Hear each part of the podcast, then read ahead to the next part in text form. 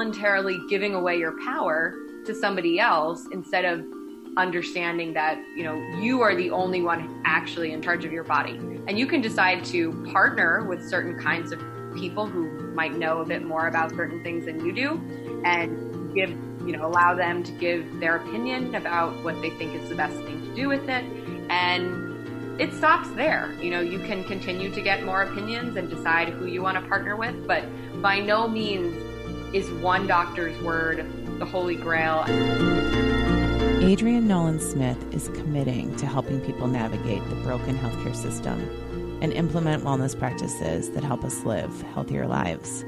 She is not only a board certified patient advocate, but an advocate for all of us as the founder of WellBe, a research driven integrative health resource, the best I've ever seen. This is such an important episode for anyone who's feeling overwhelmed by both Western medicine and all of the quote unquote wellness information out there. Take notes. I'm Elizabeth Kendig, and this is Healers. I'm happy we're doing this. Me too. I'm really happy. Um, I know we probably don't have much time to do so, but tell me a little bit about. Oh you. gosh, Where- look at this! the you're going to turn it around on me right away. There's there's the sign of an interviewer right there. No, you're going to hear all about my crap for the rest of it, so I don't want to bore you with it now. Oh gosh, the listeners will love this. Well, I think that you and I share correct me, obviously. We've never met. But you and I share this very deep desire and mission to help people on their own healing journey and empower them. And we have very different stories. You have long health stories that we're going to hear about and um I, it's clear that it's a calling for you and that you didn't really have any other choice. Yeah, it feels very much like that, especially when I'm like totally burnt out and people are like, well, you know, if it ever is not fun, like you should stop. And I'm like, I know, like that's not an option. Like this is what I'm meant to do. This is what I want to do forever is help people, you know, navigate this broken healthcare system and implement wellness into their lives so they can avoid this broken healthcare system. Um, and I'd love to say I'm going to completely transform it, but it is such a disaster that I'm just more concerned right now with helping people to like avoid avoid it as much as they can. Uh, I'm getting I'm getting all all the chills because I've had this conversation a few times in the last week with um, practitioners and other entrepreneurs, and I don't know if it's something that's going on in the world, but I'm so grateful that you're admitting to being burnt out and getting burnt out and we all Oh, just yeah. we all just Real. keep going. Yeah and it's so and i i need to admit it too um people think you're doing what you love and what you care about so why would you ever get burnt out? And then the next question is well why are you doing something that's so hard that doesn't necessarily you know you don't get a regular paycheck? Why would you keep doing that? I mean those are such common questions and and then you also feel like you shouldn't be burnt out because you work in the wellness space oh, so oh yeah, right too. Yeah, there's like eight thousand like pieces of like thoughts of of guilt and exhaustion and like gratitude and judgment, like circling my head every day. Like you know, it's it's exhausting. But I think the problem is it's entrepreneurship, which in itself is just an all-consuming burning out. Doesn't mean doesn't matter what you're doing, and it just happens to be that we're doing it in the wellness space, um, which is the irony. Yep. And um, and then there's this real call to service that you talked about, where it's like we can't not do it, even if it's kind of burning us out. um, so yeah, there's all sorts of fun things in there. I'm glad that you share this. That I you do. Have, yeah, I do. you said that. Oh, and I was going to say, so I, I once in a while will lob out sort of a panicked text or whatever. To it's it's a little bit dangerous to have so many practitioners in my you know on speed dial, meaning like psychics, tarot readers, astrologists. Like I, there's too many people that I can say, "What is happening? Just tell me what to do." And um, I reached out to her name's Rory Lula McMahon, and she's our like resident tarot reader, and she said, Elizabeth, everyone just needs to go under the covers and watch Netflix and eat chocolate at least for the next like week because we're all in this we can't see clearly right now. By the time this episode airs, hopefully we all have so, so much more clarity, but um it's it's yeah, it's sort of one of those times, I guess. And that makes me feel better. That relieves a little bit of the okay, it's not just me. That helps a little bit, right? Yeah. Yeah. um, I hear it in your voice. I really do. Well, the irony is that I was started seeing a new, and then we'll record. oh no, we're totally recording now. Do you think I would not record? Oh, from the beginning. this is the good stuff. Oh, I didn't know. Anyway, um, I started seeing a new naturopath uh, a couple weeks ago because I've just like a couple health issues that aren't very serious, like mild ones that I just they're connected, and I just feel like I want to kind of nip them in the butt in 2020. So I'm seeing a new person. I haven't seen a new person in a long time to try to look at my testing differently and whatever. Um, and part of it is I have horrible menstrual cramps, and they've kind of gotten bad recently, you know, like high school level. Um, and I'm sort of perplexed by it. So she said the first thing we were going to try is not having any caffeine or um, coffee, even decaf, um, or any chocolate, which has a little bit of caffeine, um, or any alcohol for um, you know the full week before my period, and then like the first few days of it at least. Um, and it's been such a funny week because like you just forget how much you kind of look forward to these little treats in life yes. that when they're taken away, especially like both of them. And I already like don't eat any gluten, so like there's just yeah. What's number, left? What is right, left? The number of yeah. treats that I've kind of like. And, and there's definitely good replace like gluten free treats that like I just found this delicious gluten free scone at my farmers market on Saturday morning and I was like yes this is what I think of as the treat um, but there's not really a good replacement for like decaf or regular coffee um, there's not really a good replacement for a glass of wine um, if you want one. Not so, not if you yeah, not the real thing. You're not gonna right. it's not gonna have the same effect. It was a very interesting kind of like self reflection few days when I realized that I work a lot and therefore do less kind of fun things than I used to just because I um, am not, you know, I don't have as much time to plan them and do them. And so these little treats, the you know the decaf coffee in the morning and like a glass of wine a few times a week with my husband and stuff were like the things that I used instead as little treats to get me through here and there. And now I'm like, oh wow, like you have to look inside a little bit to think about why you need the treats. Do you know what I mean? I totally do. I mean, and the fact that we those are our treats. I mean, that's a whole other conversation right? That there's right. we still need something to to numb or to like get us going totally. or to fill totally. a void and then suddenly that's all illuminated when you can't reach for those like those are bookends. I mean, I you can't see me and I'm just shaking my head um well, enthusiastically. Now that I know we're I'm yeah. turning my video off too. there you go. Oh, there you go. You're gone. You're so cute. Um yeah, we we just then we can concentrate. Um so did what so what came up for you by not having I think it was a weird a glass of wine moment. The the coffee I think mattered more than the yeah, wine actually. Yeah. Because, yep. You know, I, I work from home like half the week, um, if not more. And so especially in the mornings because I love being able to make myself breakfast. Um, I just feel like that's I'm you know, I like a slower morning and I like to cook for myself and I just know if I'm rushing to an office or a co-working space or whatever that I'm not going to take the time to really sit down and eat something nourishing and do it mindfully. I'll be like already on a computer or whatever. Right. So, and it's so cozy to have a cup of coffee, especially yeah, on a so chilly morning.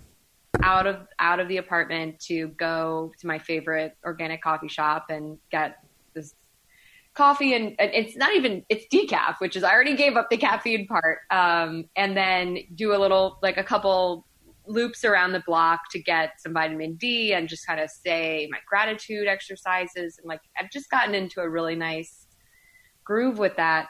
And then it kind of left me very, you know, my routine was kind of taken away from me because it's not really worth going all the way there to get like a cup of tea, which I can easily. I, that's what I was wondering. Are you gonna? You, did you go get some mint tea? Right. I mean, it's like never is good. it's never reason to go to a coffee shop is to get like a mint tea. It's just Oh, terrible. I know. It's So- supposed it's to be about the ritual, but it's never really about the ritual. It's Well, about it what you're consuming too. It yeah, exactly. I didn't know how much of it mattered, like the what I was consuming mattered, mm-hmm. um, because I went from the caffeinated coffee to the decaf like about a year ago, and that's been fine. And so I was like, oh, it must be just that I enjoy the ritual, and then and then the the whole coffee thing was taken away, and I was like. All right, well, this stinks. And like, I think two mornings last week, I didn't um, even make it out for my morning walk. I just started working and, you know, just kind of got frazzled by it. Um, and I think I realized that this is a long haul when you find your calling and the thing that you're going to do for a long time. And so you've got to find a way to still have fun and prioritize yourself and just let things that don't exactly get you know that you wanted to accomplish that day that don't get done because something takes too long that you know isn't needed tomorrow morning you just have to not feel bad about that and just kind of accept that that's going to happen and go to your workout class or go to the theater with your husband or whatever it is that you feel like makes you feel alive because I, I think I in the last couple of months have just let the things that really make me feel alive dwindle. And these little treats were taking that place. Um, and once those were taken away it kind of shed some light on no you also have to enjoy this thing called life. And not just So by what you're consuming in the morning or you know what you're consuming in the evening but like what you're actually doing you know what are you hearing listening experiencing all of that I'm nodding again. Uh, this is, I mean, this is especially true for entrepreneurs, but also for anyone who's just really busy and parent, Yeah, career. It's, no, it's it sounds like as I'm talking about it, what my friends who are moms say. hmm Like they just kind of forget themselves and they forget life before their kids, and they love it so much that they're willing to do it, but hmm they along the way can sort of lose that sense of fun or spark or you know what they enjoyed as a human being on their own, not just you know as a parent. If Um, we can't quantify the value, it's really hard to prioritize that self time, you know, whether it's fitness or hobbies or doing something fun with your partner. And that's especially true with entrepreneurs because if we don't feel like we've accomplished something or enough, then what, what are we're not about to like reward ourselves by going and spending a bunch of time something fun. It's almost like, okay, well, I got to get up and do this again. And so what I really need is a glass of wine just Yeah. to come down from the intensity of it. But in fact, we need we the secret is we actually need more self-care than some because this is really stressful work. Yeah, and I think it's it goes like backwards, right? When you get to the place where you need a glass of wine to come down from all the intensity, it should be more of a moment to think, how do I not live a life that has such crazy intensity? How do I make sure that there are moments of it here and there, but that, you know, the next day is calmer and maybe I have more time to really read and catch up and do things that aren't so frenetic? Or how do I schedule tomorrow so that I don't have six calls and three deadlines so that I feel so intense? It should not be so concentrated, or I should have better control over my time and um, really say what I need and schedule accordingly. So that's really what I should have been saying to myself when I, you know, got Yeah. back from Yeah. crazy days and just like want a glass of wine or, um, you know, look at the mound of work I have to do for that day. And I'm like, oh, well, at least I can have this lovely little, you know, 15 minute walk with this really delicious coffee. So, um, yeah, it was a very eye opening couple of days to really see that I did not um, listen to the symptoms, the mental symptoms of you're going too hard, you're doing too much without enough fun and enough rest. Um, which are that feeling of like slight dread of how much you have to do that day or that intense feeling at the end of the day that you just really need to come down from. And I was ignoring those and I can't anymore because I've got nothing else to. You have nothing else to fall. Well, nothing else that I could give up. Yeah, exactly. That's when, that's when I sometimes get hooked on a TV show or a book because I still need some distraction. Well, I started reading a book um, mm-hmm. about a week, two weeks ago, a new book, and I like it, but I don't love it. But I feel the need because I'm only on page like 40 to give it, you know, more of a chance. Right. Bef- so yeah. That's the problem though. When you don't love a book, you just kind of end up doing other things because right. you're not so excited to go back to it. Whereas a book that you love, like you just can't you can't put down. Yeah, you yeah. stay up late. You're li- you're 12 oh, yeah. years old again, and you cannot. Exactly. You won't like, shut off the light. I'm just like I can one more chapter. Come on, one more chapter. Well, um, I just read one of those, and it's called um, Circe, which has been out for maybe a couple of years. It's a Greek, based on Greek mythology, which sounds so heady, and I but I kept seeing it on lists, and I couldn't stop, and it's really long, which I think is super helpful when you know you're gonna be be with it for a long time. But yeah. Um, well, so the the really the the the question to close this this loop is did did it help with the cramps? Was it worth it? Well, it's supposed to come on Wednesday, so we will see. This is um, amazing. Okay, I know. I can't wait myself. I can't wait either. Please, keep, please let us know so we can include in the show notes whether you, whether you had cramps or not. I will.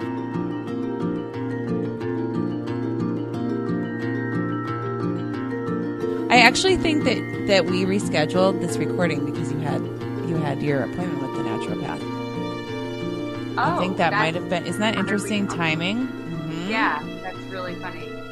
So the other the other thing, I'm just going to get into it. Um, is that we were also originally scheduled to record on the birthday of a really dear friend of mine who um, recently passed away, and I just thought this was like because I looked on my calendar and I had her birthday and I had our recording, and I bring this up because she, um, it just seemed like an, a strange synchronicity because she had sort of a strong suspicion that there was something wrong and saw some doctors who all said, "You're fine. You're healthy. You're young. Go home."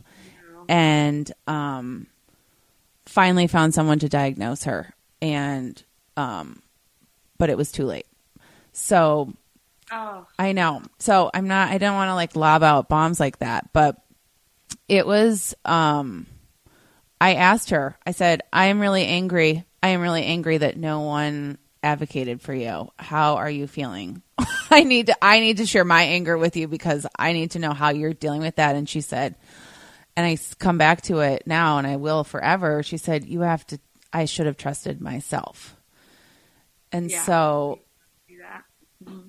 I am. There's per usual. I'm not throwing a question out there so much as I was. I'm really um, grateful to be talking to you because this is part of what you do is help us advocate for ourselves and you are a healthcare advocate um, by trade too. So did any of that resonate with you in terms of why you do what you do? Oh yeah. I mean that that story breaks my heart because it's just so avoidable um, what happened to her. And i'm so sorry about it um, as well as you know being her friend. But Thank you. Uh, yeah, I would say this is not an uncommon, unfortunately, um, occurrence in the conventional healthcare system today. There is a huge problem of gaslighting, um, which is the process that women are going through in many healthcare situations right now, which is that they're not being heard or listened to um, because it's a very paternalistic uh, healthcare system. You know, it started with entirely male doctors, and now there's more female doctors, but they're still the majority are still male doctors. And when they really built out modern medicine, right, or the conventional healthcare system as we know it now, which by the way is like like 120 years old or something. It's really quite new when it's you look at so at new. I know, all and it's of the histories of medicine in the world. Um, and so when they built that out, it was really based on the male anatomy because male because males were both the doctors and the medical students and the scientists and the researchers. And so there was not very much understanding of the differences between the female and male bodies. And there are such incredibly distinct differences because we're so controlled by both our biological circadian rhythm, the way that men are, but also by our menstrual rhythm and menstrual cycle. And so we have such different health issues with reproductive and hormonal health. Um, and also with mental health and you know all kinds of things and different kinds of cancers and so there's a, just a sense that you know women are dramatic emotional um, weaker you know not able to tough things out you know want to complain and unfortunately this thought process is even reflected in a lot of female doctors um, because they get indoctrinated in the same medical schools um, and have the same kind of like oh, women are just always complainers. They're just always being dramatic. They just always think something's wrong. Um, their their hormones are just so up and down that it could mean they're just having a crazy day and not something serious. And so this is kind of this is what gaslighting is. And a lot of women have, um, you know, not a. Or I would say both men and women in certainly the U.S. today have some kind of thing called doctors worship, right? So mm-hmm. um, I filmed a great interview where they were with Dr. Kelly Brogan, who's a holistic psychiatrist, and she was talking about how it has all the trappings of religion, right? Like the the God who's the doctor, whose word means you know is, is everything and is not to be questioned and um, all of the, the language is written in, you know, basically Latin the same way that the, the, Holy Bible was for thousands of years, so that the regular person can't really understand it, and you need this amazing priest to interpret it for you, right? And the priest is the doctor, and um, they wear the same costumes, right? So you have the priest and the special garb that does, you know, stands the test of time and doesn't look like anything anybody else is wearing, even when they don't need to be wearing it and the same is true for for the white coats. And um,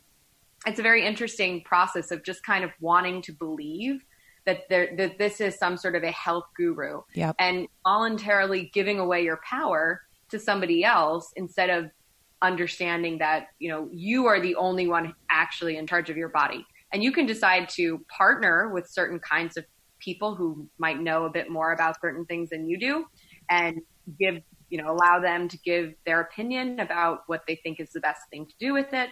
And it stops there. You know, you can continue to get more opinions and decide who you want to partner with, but by no means is one doctor's word the holy grail. And there's so much that from doctor to doctor to doctor, they don't know or were never taught, like nutrition in medical school, right? Yes. So when you give one person all that power and sort of feel the need to do whatever they say, even if your intuition and your gut is saying something else, that's when a lot of these chronic health issues turn into full blown diseases and end in these horrible situations like your friends, or go on undiagnosed for years and just throwing on pill after pill on top of it. So then you've got this undiagnosed problem getting worse in addition to all of these new problems that all of the drug side effects have now caused. So you can see how one little thing, one little experience of giving away your power and then not being taken seriously or being told to do something that you don't necessarily need to do, or there was a natural way to approach it before trying that. Um, it could end in both death or you having a whole host of other health issues, as well as the original one for a long period of time, which is much harder to reverse than being able to kind of nip something in the butt right away or prevent it um, before it really gets bad. Yeah, let alone make sense of of it to know. Right. Oh, where... and forget the actual consumer right. experience of being like, "What? I have what?" or like, "What does that mean?" and why can't you get on the phone with me if it unless it, you're going to demand I pay you another $300 and why do I have to go through your office assistant to talk about my cancer diagnosis? Like, what are you talking about? Like, give me the attention that I need in this scenario. And unfortunately, it's really not the healthcare provider's fault. It's a system that is set up largely around insurance and diagnosis codes and how they bill everything relates to that. And so they have to have, you know, about seven minutes with a patient or less in order to actually make the economics work to be a doctor today, which is heartbreaking. And in most situations, you need at least an hour with a doctor to talk through a health issue or even, you know, an annual physical or whatever. Um, and so when you don't get that, not only do doctors get burnt out and upset about the, how they have to practice because they can't actually care for people, it's just like they're pill dispensers. um, but also, you might have a horrible situation like your friend where you get some horrific news and there's no sense of care or empathy in the process of what do you do next. Right. And it and I, I don't, you're the expert in this space, but it also seems like that the care and the questions and the intake, it's very rarely integrated and holistic until much further down the road. So you're sitting in front of one doctor, but you don't also have a naturopath in the room. There's not also a therapist in the room. There's no one looking. I mean, so if you're lucky, you get diagnosed properly from the beginning and then you can start layering more support. But otherwise, it doesn't come until things are really dire. Yep, that's exactly right. Like most people that see a naturopath or any other kind of functional or integrative medicine doctor or practitioner, they've generally gone to, gosh, it can be a dozen or maybe a half dozen or at least like three or four conventional doctors before they're ready to take that plunge and that costs a lot of time and a lot of money. And it's not that each doctor as i was saying is bad. It's that they're what they've been taught mm-hmm. in conventional medical school is incomplete and not based on looking at the whole body as a one connected you know series of of, of systems really. Um, right. So what do we that, what do we do what do we? I know that that is not a simple solution. So, what I generally recommend to people is a couple things. It depends on the way that you want to go. So, if somebody wants to stay with the conventional healthcare system and is like, look, there's no way I can find a way to pay either out of pocket or with an HSA card or an FSA card or you know even take a loan from friends and family to see this person um, if they're if they're completely convinced that they want to stay within the conventional healthcare system, which I usually recommend that they find somebody who practices in this more holistic way. So that can be, you know, there's a wide range of of, of expense uh, for that. So it can be from you know a couple thousand dollars, um, some sort of functional medicine MD who's kind of a, a hot shot, all the way down to even just an herbalist or an acupuncturist or a, a you know holistic nutritionist or even just a holistic health coach, um, which can be much more affordable. Although you can't get you know maybe necessarily all the testing that you could get with a naturopath or a, a, a nurse practitioner or or a medical doctor, an MD. Um, but you'll still get on the right track of fixing a lot of the things that you're doing every day, which we know is 80 to 90% of healthcare. I mean, if you fix your diet, there's almost nothing that won't improve as far as a chronic health condition. So so if you want to stay in the conventional system, I have a list of questions on my site that I tend to that I can you know share with you. Um, that I'll just give you a couple of them, but it's like, is there a way to approach this naturally without a drug or surgery, and what can we do before we do that? Um, as a you know one of the basic questions that you'd want to ask. Um, do you consider symptoms something that we should suppress or um, something that we want to investigate because it's giving us a clue as to the root cause of an issue? And you'll get to see, I mean, these are two of like eight or nine, ten questions, but you'll get to see quickly how a doctor approaches patient care and those that are really just focus on getting you out the door with a prescription will it will become very clear very quickly. And so i try to tell people you know avoid those doctors. Do whatever you can to get out of there. Um, and if you are willing to see a more holistic or natural for a natural first kind of doctor um, who incorporates everything that you're doing in your life otherwise and tries to you know connect all the dots between symptoms and heal things rather just than just manage or suppress them. Um, well, first of all, I I have a program where part of it is this wellness concierge service where I actually have a database of like over 1500 practitioners and doctors in the US who practice in this way. So part of it is finding, you know, the right ones for you and using my team to get there. So that's a small plug for that. Um, that's a wonderful, that's a wonderful offering. Yeah, it's it's been um, it's actually launching in January, so I'm really excited, and I've got a team of patient advocates, health coaches, and health researchers to try to answer all these questions that come up in a really in-depth and evidence-based way as far as you know recommendations of certain practitioners or doctors and then helping people figure out if they take their insurance and if not you know how much is it all going to cost and can i do a consult first and all the way down to like I have a Hashimoto's diagnosis and I I don't have time to research everything, but I want to know like how I should be changing my habits and my lifestyle now that I have this. Uh, um, uh, there are so many people listening who have Hashimoto's diagnosis. Really? oh yes.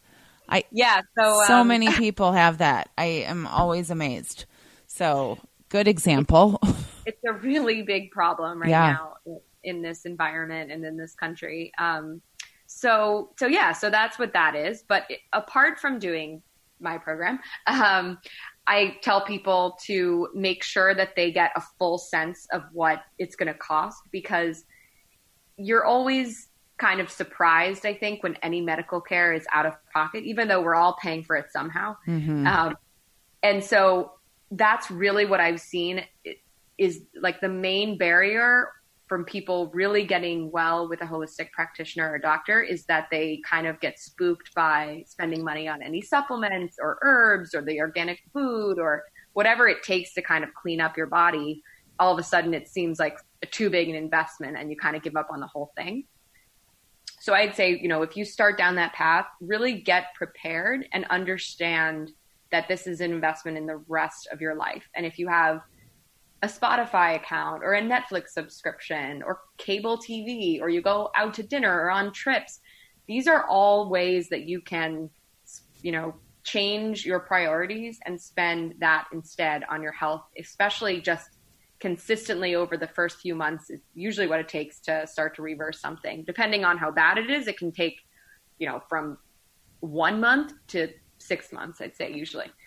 Um, right. I'm so glad you're saying this too, because I agree with you. Unless you have 100% healthcare coverage, and most of us have a deductible, it's often a lot less expensive to work with a holistic practitioner in the long run. You're there's like that sticker shock of the hourly rate or whatever an appointment costs, but that you know what that is. There's not something additional um, and to your point, you don't get these surprise no bills afterward. No, and-, and you you have to buy food no matter what. So it's yeah. I, if you're not trying to put out a fire and you don't need surgery right away and you don't it's it can end up being a lot less expensive and to your point it's foundational so um yeah it can and also if you think about how much money you may have spent over time refilling a prescription that maybe a conventional doctor told you you needed to be on the rest of your life. And oh, yeah, that has a couple side effects. So after a few years of being on it, you're going to have something else come up from that. And then you're going to need maybe to add another drug that, you know, relates to squashing that side effect. So now you're refilling prescriptions for two drugs. And yeah, the copays can be small, maybe $20 here, $30 here, but that ends up, you know, over time whether it's you know you're refilling it monthly or however often costing a certain amount of money and wouldn't you love to actually just invest in getting your body to where it needs to be so that it never needs drugs that's kind of how I think about the investment. It's it's the same amount of money, but it's just a little bit more upfront and a little bit more based on spending on food and herbs and things like that than it is on just medical care. Um, so that's kind of one way that I recommend people kind of the mindset shift and also getting their finances in order when they start down the path of working with the holistic practitioner. And then the other thing is to beware of dogma. You know, dogma exists in the functional and integrative and holistic community as yep, well as the conventional community. And the the only bad experiences I have ever had with integrative and functional or holistic practitioners and doctors have been when they've been dogmatic. And then I'm sort of afraid to question their you know protocol or their belief on a certain topic and even when i'm doing a lot of my own research and see that there's a couple of different ways to approach the same issue and within you know the holistic community and it's not necessarily um, thyroid is a great example that's very confusing about if you have hypothyroidism or hashimoto's or whether you can take synthroid or um, these different natural thyroid supplements. It's kind of, you know, even within the functional and integrative community, still debated some of these things.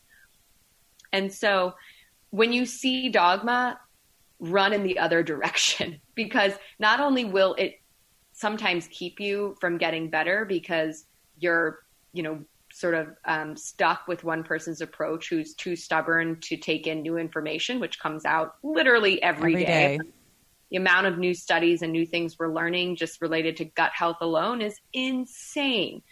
Um, and so if you're not working with somebody who understands that and who's willing to always be learning more and taking in new perspectives and trying different things and communicating maybe with other kinds of practitioners or doctors you're working with or who will read you know the piece of research that you found and brought to them um, if they're not like that then that could keep you from you know getting better. And also it keeps you from speaking your concerns so or your questions or the new information you may have found because you're kind of afraid to question them or, you, or that they're going to get offended or something like that. So those that those are my couple of major pieces of advice on how to fix this is make sure that you work with non-dogmatic people if you're going the functional holistic route um, and make sure that you understand the cost and the investment and really get your prioritize or prioritize your life a little bit differently and how you spend your money while you're healing something. Um, and then if you are going to go the conventional route to really use a handful of um, questions to determine if somebody is really going to be a true partner with you that wants to help you heal and not just kind of manage or stifle symptoms. You are, we have had, you're our second guest this month um, who has brought up gut health. And like, I just, I'm just like shaking my head because that's, that stood out to me too. And and also this idea that someone knows is all knowing. And the dogma around the space can be so reassuring in some ways. I mean this is true with all kinds of healing practitioners. Like we want someone to just know best and tell us what to do.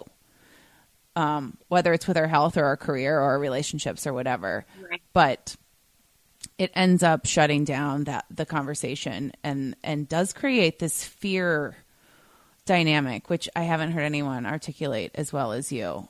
Um, and kind of brings that full circle too with how we look at with the doctor worship. Yeah, um, and so I exactly the same thing that makes us want to worship doctors mm-hmm. is the mm-hmm. same thing that makes us want this kind of like dogmatic practitioner who has all the answers. But the problem with that, as I just said, so I won't go Yeah, too yeah. much into it again, is just that you're not going to have the latest and the greatest because this person isn't a collaborator. This person isn't open to all the new information. They've kind of decided that certain things are their way and they'll see new information that they might hear about or read about with the lens of what they already believe. You know, kind of like when somebody is a vegan for emotional reasons, Mhm. right? Any kind of information or research that they see about animal products comes in through that lens.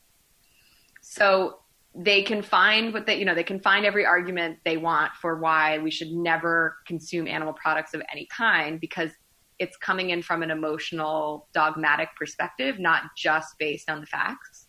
Great example. Um, yeah, so that's kind of why I have a major issue with dogma on either side. You know, you just want to make sure that you're working with open minded people. Well, how did you get here? This is I love when we don't start with the story because then it's it's abundantly clear your your expertise, but you've obviously been on your I mean, you've been on almost a lifelong path to this place. Yeah, it's been about over 20 years um, of uh, kind of dealing with health issues and being in the healthcare system. So I started with getting a Lyme disease diagnosis when I was 11. And um, it was a chronic Lyme disease diagnosis, which means that it had been in my system for long enough that, you know, I never saw a bite, um, but that the acute antibiotic protocol was not, did not work, wasn't effective. And so my symptoms persisted even after I did, I, I can't remember exactly, but I think it was like a month or two months of um, antibiotics. And then basically, I was diagnosed the same time as my younger brother, and my mother was told that there was really nothing left to do for either of us except more or different antibiotics. So IV antibiotics or longer courses of antibiotics or, you know, whatever. And my mom had had her own share of health issues after her first pregnancy with my older brother and started to kind of explore the natural medicine world because she realized that her hormones were out of balance and she had gut trouble and things like that. So, though they actually plagued her whole life and she did not take very good care of herself, she did open the door to a different kind of medicine. Um, and so, when we were, you know, told there's nothing really to do, these kids are just going to have Lyme symptoms kind of forever. Um, she went on a path to heal us through various natural therapies. And about two years of all kinds of different therapies later, um, my Lyme was in remission and I, you know, my symptoms had abated. So I was extremely lucky because most Lyme patients are sick for years, if not decades. It's a really awful disease unless you catch it within a first couple of weeks and see a bite and then you can usually kick it with antibiotics. Um, So can Lyme be sorry, can Lyme be actually healed or does it is it just dormant? Is it on sorry. So yes, it's it's officially dormant It- because it's a okay. bacteria. Okay, okay. But you know, I've never had a relapse or anything, um, and so once my symptoms were in remission, you know, the, I just consider the disease to have been healed at that point. Mm-hmm. Um, had I relapsed, then yeah, that wouldn't have been the case. But luckily, I didn't. Um, and I think being young enough, Yes. you know, Yep. getting kind of treated, getting diagnosed at 11, and going through these two years of extreme treatments, um, my body was able to rebound pretty well. Um, but I know, you know, if someone has it two, three, four years undiagnosed and maybe they're 40, 50 years old, like it's a very different story. It's very hard to bounce back um, for your immune system. Do you remember that time really well? Um, Because that's I- that's so young. I mean, most of us just have like kind of recollections of fun things we did when we were 11 or 12 or what what it was like to be in middle school, but is it really imprinted on you that period because you were sick? um, certain periods. I mean, you know, I don't remember every single doctor's appointment, but I do remember.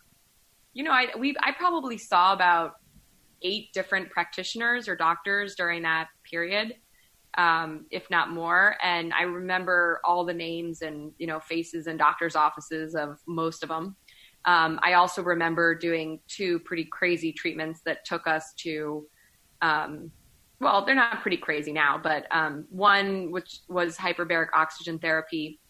We were in Lancaster, Pennsylvania, which is not that close to New York City, um, for three weeks, like in a Motel 6, going to the treatment center every day for treatments um, one summer. And then the following summer, you know, I'm going into like eighth grade. I want to like have my first kiss, all of that. Um, I'm in a random tiny town in uh, Minnesota uh, where there was this um, actually illegal, you know, operation to do what's called bovine colostrum therapy, which is still in orphan drug phase. Um, hence why it's not legal according to the FDA. Um, but it has a lot of promise, and so I think that's why it's an orphan drug phase. So which, it wasn't at the Mayo Clinic. Is that what you're saying? No, no, it was. it was a dairy farm, like you know, oh really small. Gosh, that's where I'm from. So Minnesota. Oh, really? Yeah. It so you were you were Mankato, on the farm. I've heard of this. Mankato, Minnesota. Oh, sure. Yep. Okay. Mm-hmm. It's small, right? It's small, but there's a, there's a university there. Okay. It's farm country though, for sure. So it's probably why it felt small to you. Yeah. Yeah. I mean, I never saw anything except the Motel 6 and the farm. So. Wow. Um, but anyway, so those two memories are very imprinted on my head or in my in my brain. Um, and I'd say, you know, the doctors and practitioners are. And then I, I remember going on a trip with my mom, um, just the two of us, um, to Rome when I was 13, kind of at the tail end of it. And I was so sick the whole time. And she's dragging me from, you know, museum to museum. And I just can't do anything. I'm just asleep like the whole time. And I remember that. I remember being so tired and just couldn't believe how hard it was to take a few steps um, because of, you know, just how much was still going on inside me. Um, but yeah, so that's what I remember from that time. And then, yeah, and then, and then um, I had pretty good health for about five years in high school. Um, and then I went to college, and I six months into getting to college, I went to college in Baltimore um, at Johns Hopkins, and I'm you know from New York, so I left home. And six months in, I stopped getting my period. So the scientific word is amenorrhea, and it was you know after a couple of months, I realized this is a real problem. Why am I not getting my period? Because it had been completely normal from like age, you know, 13 to 18 and coming every single month.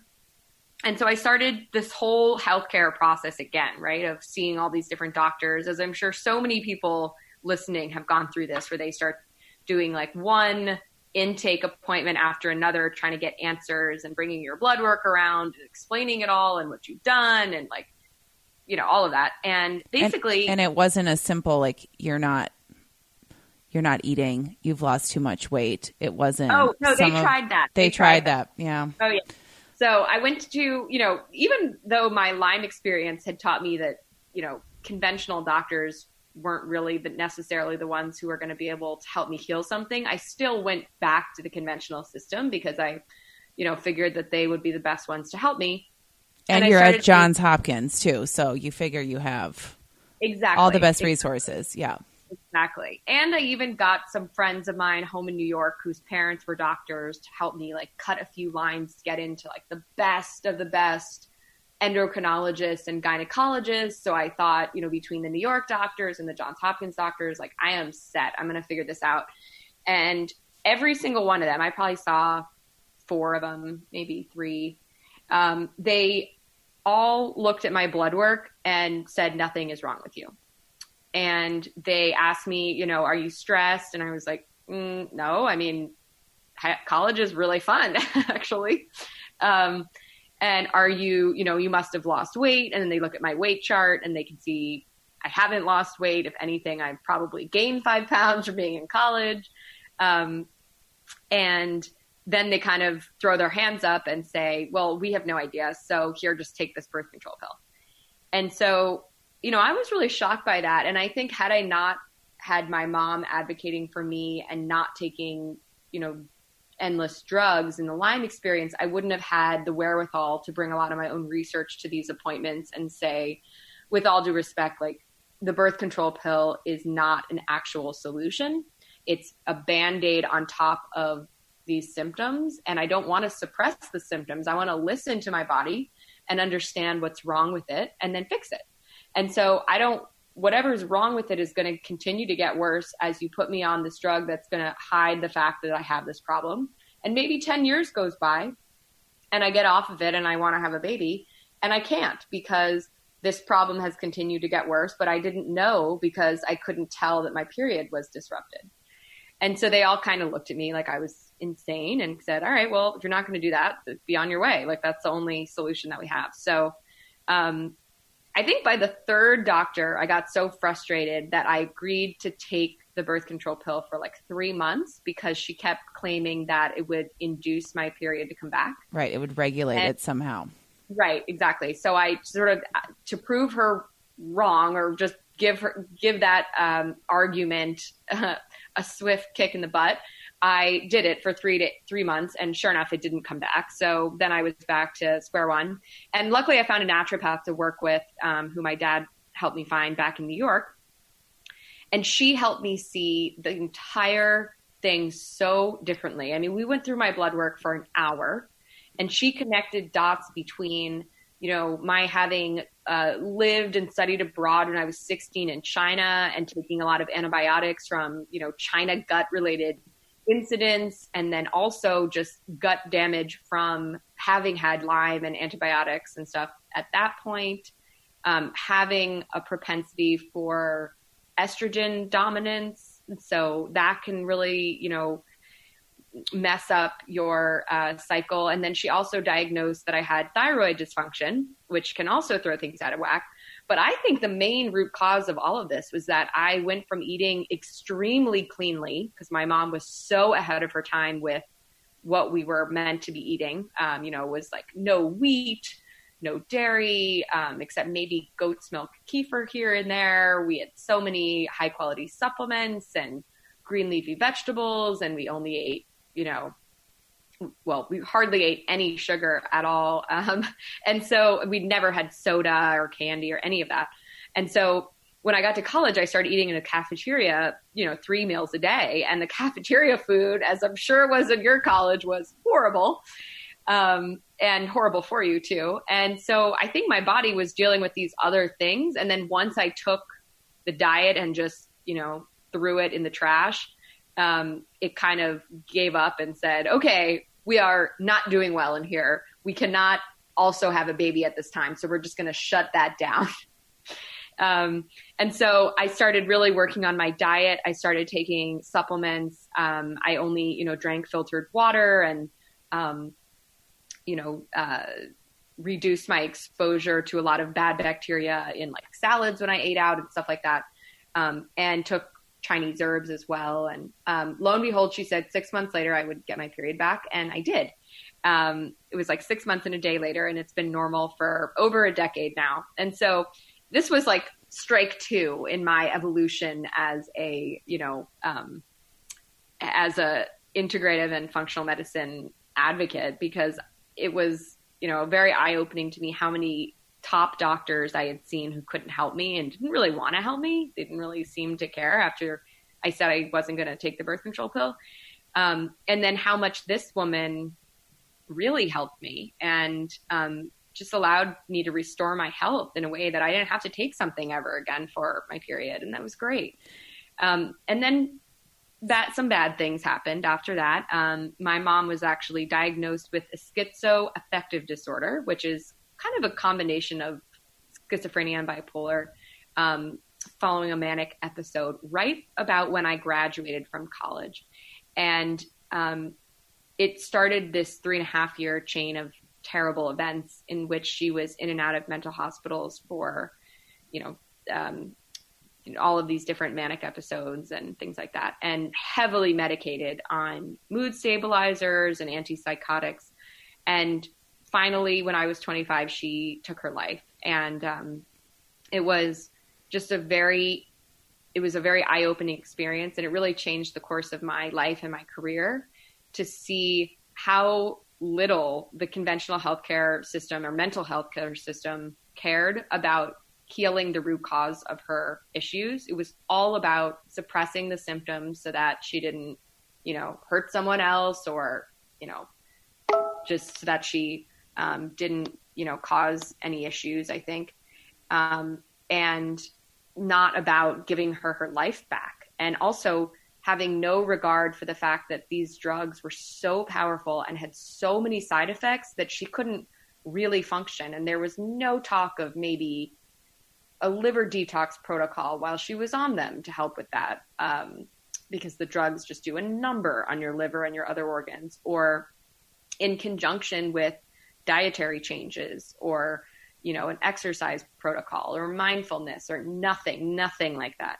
Um, and it was just, it was very, very horrible and and shocking, and also it angered me because I realized like I gave my power away because I was scared for the first time despite what I learned in the Lyme situation and the amenorrhea menstrual um, cycle situation, and allowed the doctors to dictate, you know, the drugs she was going to take and the care that she was going to receive. And I tried to bring research to the table and ask about, you know, other options, and was just shut down. And then we lost her, and it just was a real lesson for me in making sure that you listen to your intuition and making sure that you advocate for yourself or have someone to advocate for you and to not take a system that doesn't ever think about the root cause of things or try to heal those symptoms um, entirely as the best that you can do because there are better options out there and in this scenario i just couldn't access them but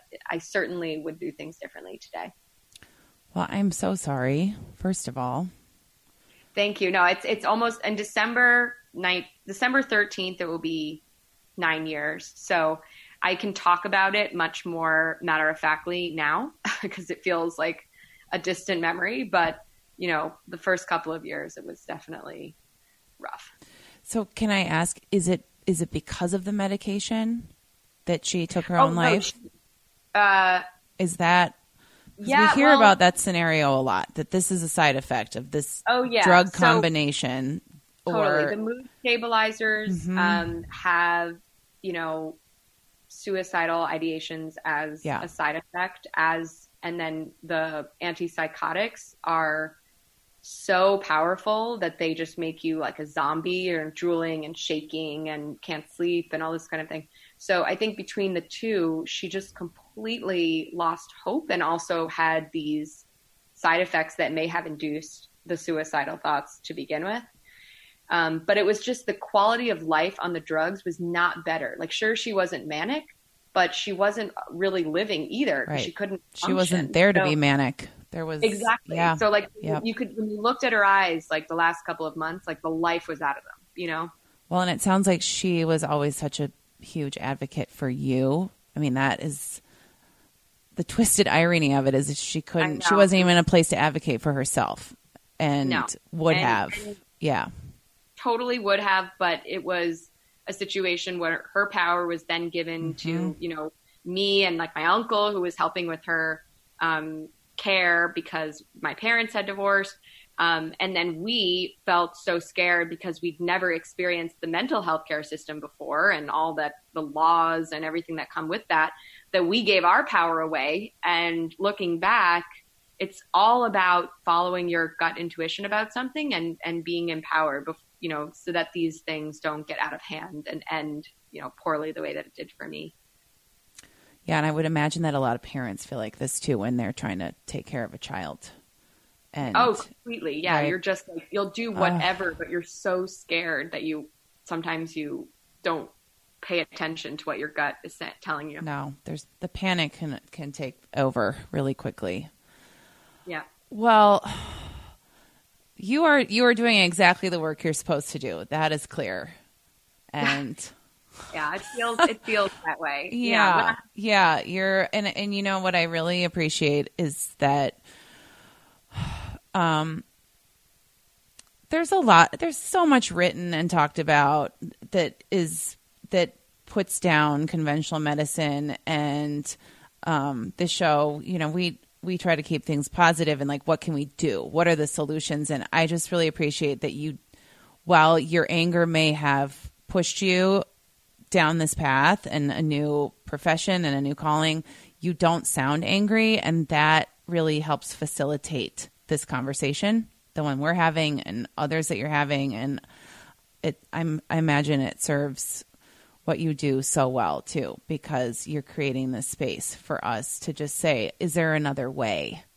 What do I not know about? I really appreciate you pointing that out because I make a huge effort to bring a lot of research and sound information and kind of logical explanations for why you may want to or not want to do something um, into the conversation so that it doesn't just sound like screaming on one end of the uh, you know opinion poll and screaming on the other um, because you can't have a dialogue that way it's like people that it's just like politics it's just know? like politics yeah ranting and raving then maybe you're going to get a bit more attention initially but you're not able your goal is not to actually communicate with the other side and understand their perspective and help them to see yours and and get to somewhere where you make some progress on the issue.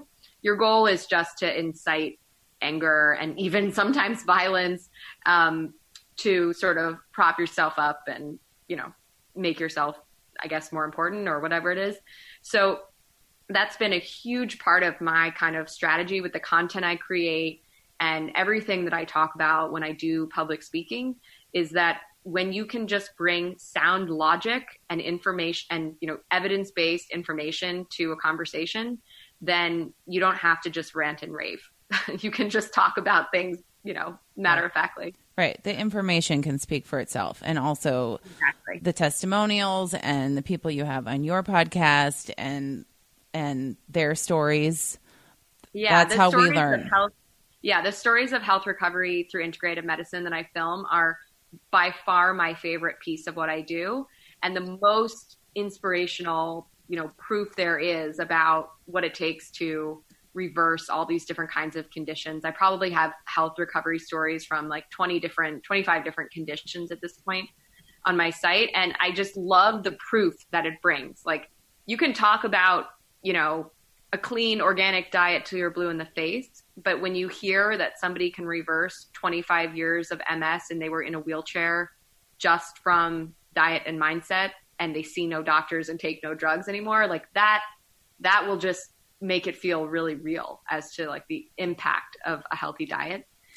Um, yes. So yeah, we're gonna, okay. So there's so much, I'm glad we're talking about this. So there is so much content on your site um, we're going to put all this in the show notes. So tell us more about how we like what other resources are available. We talked about the wellness concierge that's launching in January. These health recovery stories are all on your site. You've also got some really great resources for kind of wait, wading through the like, well, all the wellness information that we're all just bombarded with in every blog, magazine, etc. Um, where how, how do you recommend that our listeners sort of engage with your your website? Yeah. Um, thank you for saying all of that. It's been a ton of work creating all of that. I, I can see that. yeah. plus years. Um, getwellbe.com is where you're talking about. So yes, G- thank you. W E L L B E. So getwellbe.com. And there you'll find our weekly newsletter, which is really the best way, I think, okay. to keep up with me and engage with me. Um, I'm also active on Instagram and all the other social channels. But not too active. but not too active. Yes. I take Saturdays completely off. Amazing. Um, the, the so that's yeah. crazy. Yep. And yep. I also try to, you know, not be on it too much after like 9:30 at night or 9:45, sometimes 10. But yeah, I mean it's it's really insane how much upkeep that is. Um, so the website, you know, where you'll also see our weekly newsletter, um, getwellbe.com, and then at getwellbe on any social channel, and then we also have the Wellbe podcast. um, which you can just search at getwellbe in your podcast app. And it's the audio recordings of a lot of our interviews as well as some episodes where I read out, um, you know, some of our investigative guides or, you know, news and research wrap ups and things like that. So yeah, that's everywhere. So, in addition to all of this free content that you're creating, you've Yes, also okay because we appreciate that. But I'm you're on the show, so I want to make sure that I mean you're doing so much work for all of us. I I no one No, knows I- this better I than so appreciate myself and everyone I know. And it's hard sometimes to sell those things, but you do have deeper tools for people who want to dig in.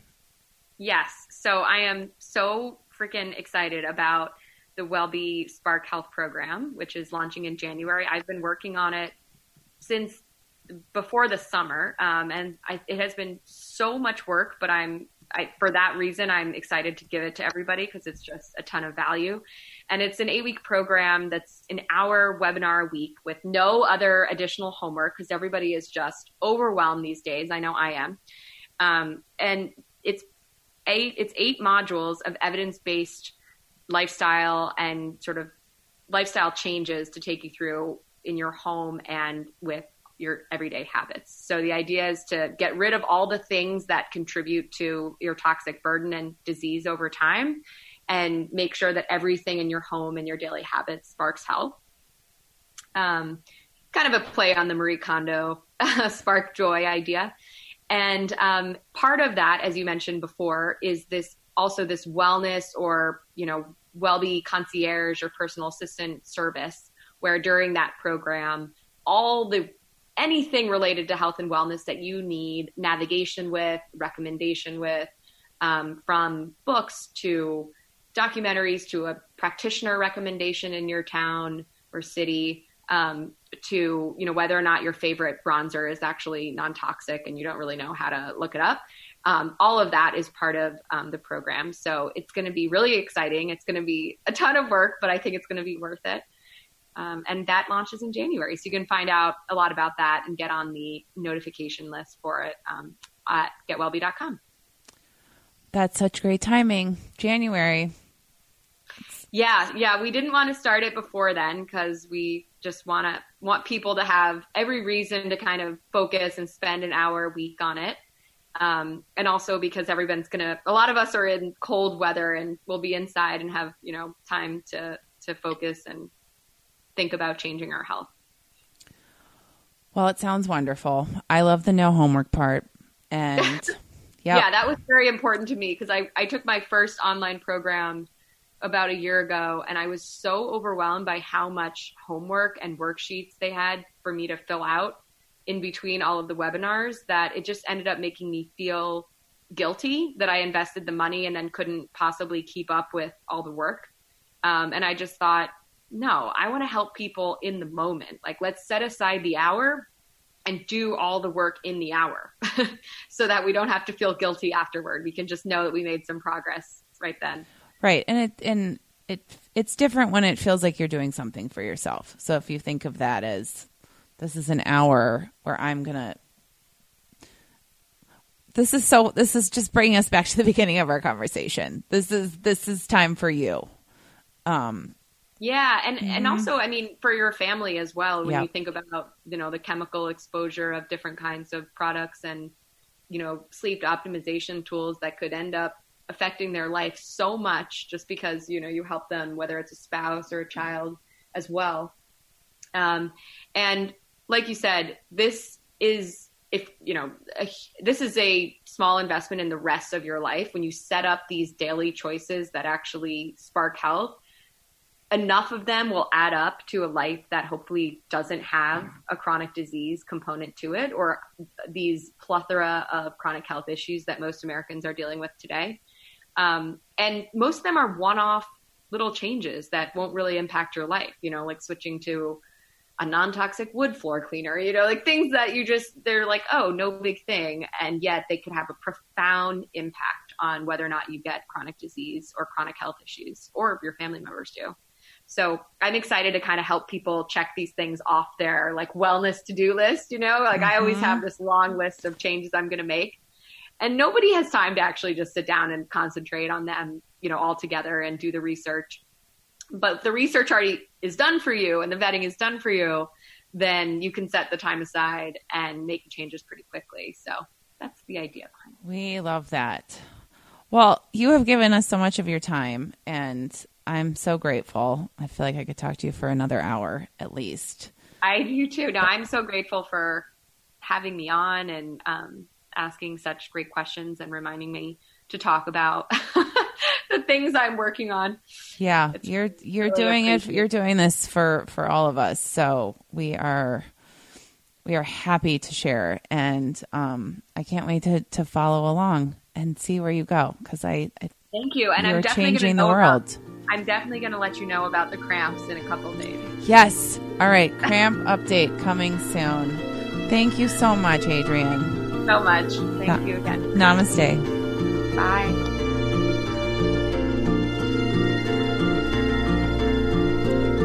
And that is a wrap on 2019 we are going to, we meaning me, is going to take December off to spend some time with family and friends and travel and collect my thoughts for 2020.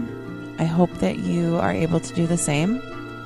We're also going to be working on some exciting new additions to our healers community and membership at healerswanted.com. So get ready to get in on that if you have not already.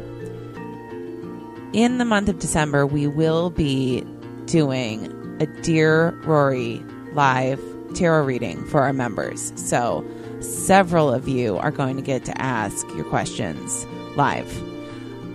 And Rory is going to be offering preferred pricing to our members on her, her tarot readings. So this is this is the way to go into a new year. Just trust me, you're going to want to work with her. Um, I have really enjoyed the season. I am so grateful to all of you for listening and keeping me going and being so supportive of our guests who adore working with all of you. To anyone who's booked an appointment, a one on one with them, they think that you're the best clients in the world. So I am grateful for that. I love this community and I look forward to more love and light and expansion and alignment and vibing high in 2020. Namaste.